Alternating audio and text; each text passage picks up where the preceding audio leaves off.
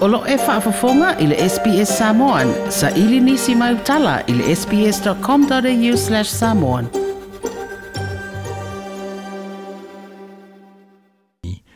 Um, part of um, your uh, biography by um, Patrick Skene talks about some of your experiences. Some of them were not the most positive. Um, run us through some of those.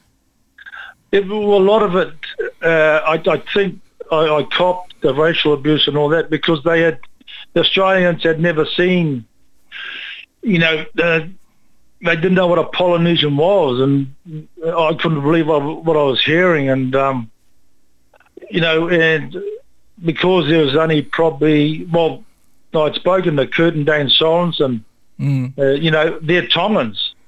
Yeah. And I, I said to Kurt when I played against Cronulla when we at Leichhardt there, and I, I, I said to him, I said, how come you, you know, you got you and Dane probably the same racial abuse, you know, black this, that, and, and he's gone no. And I said, why, why is that? And uh, Kurt pointed to his his forearm and said, uh, because we're white and we're not as dark as you. I went, oh, right. Yeah, right. I actually did play against um, Kurt and Dane Sorensen um, because Selwyn College, where they went, Yeah, that's right. yeah, well, they were in the same uh, zone that Onehunga High was. And so um, I think for two years that I was playing first 15, I was playing against them. So I, I know what you're talking about. They are quite fair, the Sorensens, aren't they? Yeah, they're, they're very fair, and I, it, you know, sort of clicked to me when Kurt said that. Then I'm looking at him and said, "No, well, fair enough." And Then, and you know, this is why I ended up uh, topping the bid because they'd never seen a, a player like me, and it, they, you know, tried to call me an uh, Aborigine, but because of my thighs and all that, you know, they no, he's not that because the thighs are too big.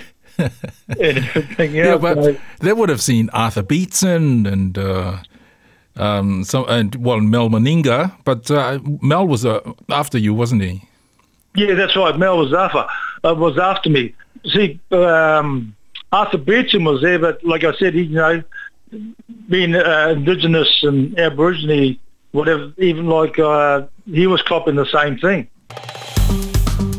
Like, share, ma faali sau finangalo. Muli muli i le SBS Samoan i le Facebook.